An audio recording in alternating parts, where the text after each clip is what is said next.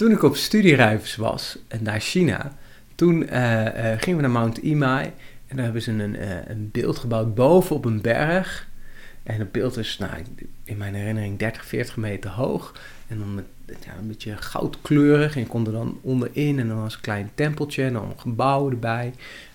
Hartstikke mooi, hartstikke indrukwekkend. En dan kwamen we precies aan met uh, de, de, de zon die door de wolken kwam. Het was op 3000 meter hoog. Dus we zaten net boven de wolken die in het dal hingen. Nou, prachtig. Echt een aanrader.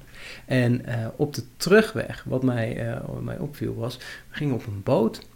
En op die boot gingen we langs een, een uitgehakt boeddhabeeld, ik denk van een meter of uh, 60 hoog in een berg.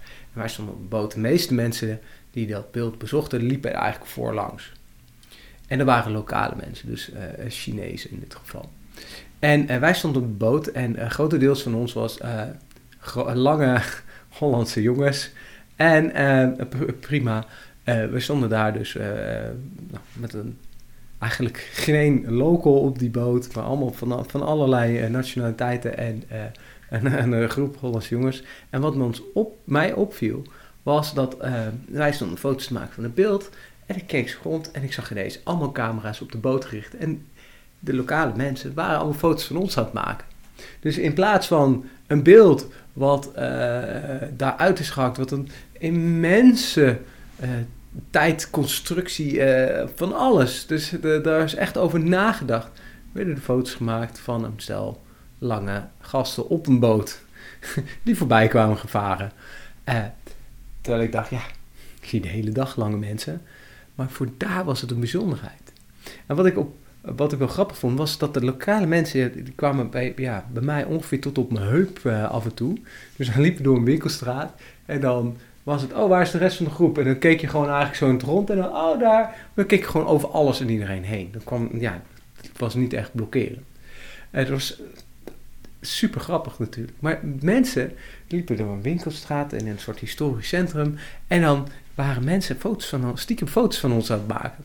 Op een gegeven moment hadden we een grap van gemaakt om foto's van de mensen die foto's van ons aan het maken waren te maken. Um, nou, super hilarisch natuurlijk. Um, maar dat is natuurlijk fascinerend. Waar let je op? Welk detail let jij op? En dat is natuurlijk afhankelijk van waar, hè, wat, wat, jij belangrijk vindt. Wij waren ineens in China een bezienswaardigheid. Het was zeg maar Chengdu en die omgeving. Daar komen gewoon niet zoveel westerse mensen. Gewoon, het is gewoon niet zo'n toeristische stad. Er is wel genoeg te zien. Je kan naar de panda's, je kan een historisch centrum, je kan naar Mount Imai rijden. Dat is wel een stukje rijden, maar het is allemaal best wel uh, bereisbaar als je bedenkt hoe groot China natuurlijk is. En uh, omdat je die, niet vaak gezien wordt, word je een bezienswaardigheid. En dat hier in het Westen en in Nederland komen eigenlijk alle culturen uh, van alles samen.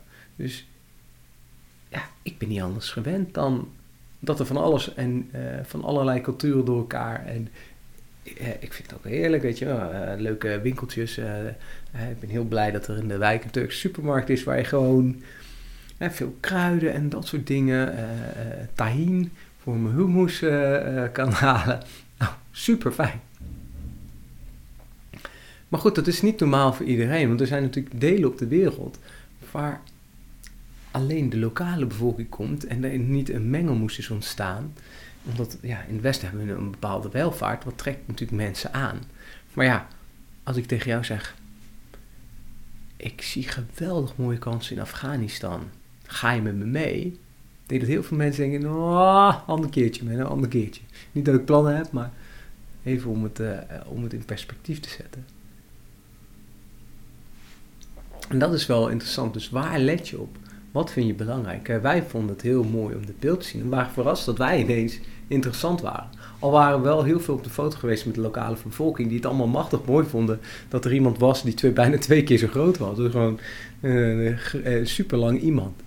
En ik ben het ook een keer in Peru, Peru tegengekomen, waar ik dacht dat een, een, meisje mij vroeg: mag ik, mag jij, wil jij een foto maken? Dus ik wou een camera pakken om een foto van het gezin te maken.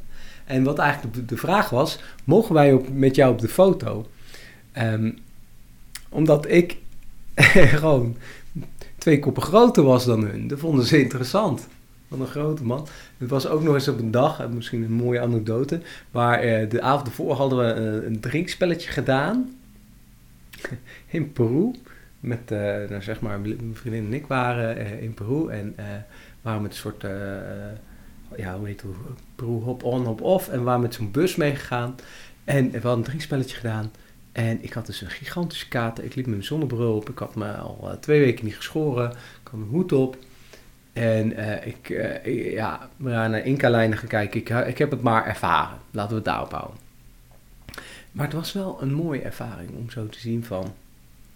Wat een verschil. Voor mij is het heel normaal, lange mensen. Maar voor hun was het iets bijzonders. En dat is denk ik ook wel mooi om een les uit te trekken. Van waar let je op? Want de dingen die voor ons normaal zijn, zijn voor anderen misschien heel bijzonder. En dat vind ik ook het mooie aan kinderen. Kinderen kijken vaak met een hele andere bril. Alleen leren we ze om in een bepaald stramien te kijken. En dat is zonde, want wat ik bij Jens bijvoorbeeld zie, we hadden laatst zijn jassen, zijn winterjassen van vorig jaar gepakt. Het wordt wat kouder, dus pak zijn winterjassen. Ik pak ze op en ik schud zo en ik hoor klok, klok, klok, klok. En er zaten dus allemaal stenen in. En bij de jas zat de zak helemaal vol met steen. Dus wat hij doet, hij verzamelt allemaal dingetjes. Ik uh, zat vandaag in uh, mijn broek. En, uh, en daar haal ik dan een schelpje, een klein schelpje uit. Die heeft hij dan maar aan mij gegeven om te bewaren. Dus hij doet het nog steeds. Hij verzamelt die dingetjes, veren. Die neemt hij dan mee naar huis. Omdat hij denkt, wauw, dit is mooi. Dit is iets bijzonders. Terwijl wij, ja, liggen hier in de hele wijk veren. Bij mij komt het niet eens meer op. Bij mij komt het niet meer op. En dat is denk ik zonde, want we lopen vaak aan dingen voorbij. Zonder dat we ze opmerken. En dat kunnen fysieke dingen zijn, hè, een boom of een, uh, een gebouw. Maar er kunnen ook meer uh, dingen die mensen zeggen. Dan krijgen we een mooi compliment en dan lopen we eigenlijk aan voorbij. Dan zegt iemand eigenlijk iets, die nodigt ons ergens vooruit. En lopen we gewoon aan voorbij, omdat we het niet eens opmerken. Dat er een, hè, verpakt in een, een warboel, een mooie boodschap zit. En dat is natuurlijk het grote grap. Hè? Um, um, neem een, uh, een, een, de puberteit terug naar de puberteit. Dan vond je iemand leuk en probeerde dat op een subtiele manier duidelijk te maken. Maar ja, uh, die signalen worden niet altijd opgepakt. Bewust of onbewust. En het kan het zomaar zijn dat je langs elkaar heen loopt te dansen en iedereen ziet het, behalve jullie. Nou, ik denk dat iedereen wel of een twee mensen kent die dat hebben gedaan, of er zelf wel eens in heeft gezeten. Um, fascinerend. En wat ik dus probeer te doen, is soms ook eens een andere bril op te zetten. Want als iemand een probleem heeft, en dat is dus het fijne, als iemand een probleem heeft, dan soms zie je als buitenstaander in één keer een oplossing waar die andere niet eens over had durven dromen. En dat heeft alles te maken met een andere blik. Je kijkt net even een andere hoek. Van voor jou is het misschien heel logisch, heel anders. En dat is leuke, vind ik het mooie. Van vraag eens gewoon iemand, als je ergens tegenaan loopt, vraag eens iemand van, goh, kan je eens meeluisteren? Ik loop hier en hier tegenaan, leg het uit. En dan vraag je gewoon, wat denk jij?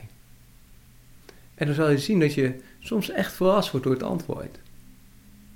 En soms willen mensen ook niet delen hè, wat ze ervan vinden. Dat is niet erg. Dat is bij hun. Dus ja, dat is misschien wel een wijze les die ik hieruit haal, uit dit verhaal. Hè? Wat voor jou misschien normaal is, is voor anderen bijzonder.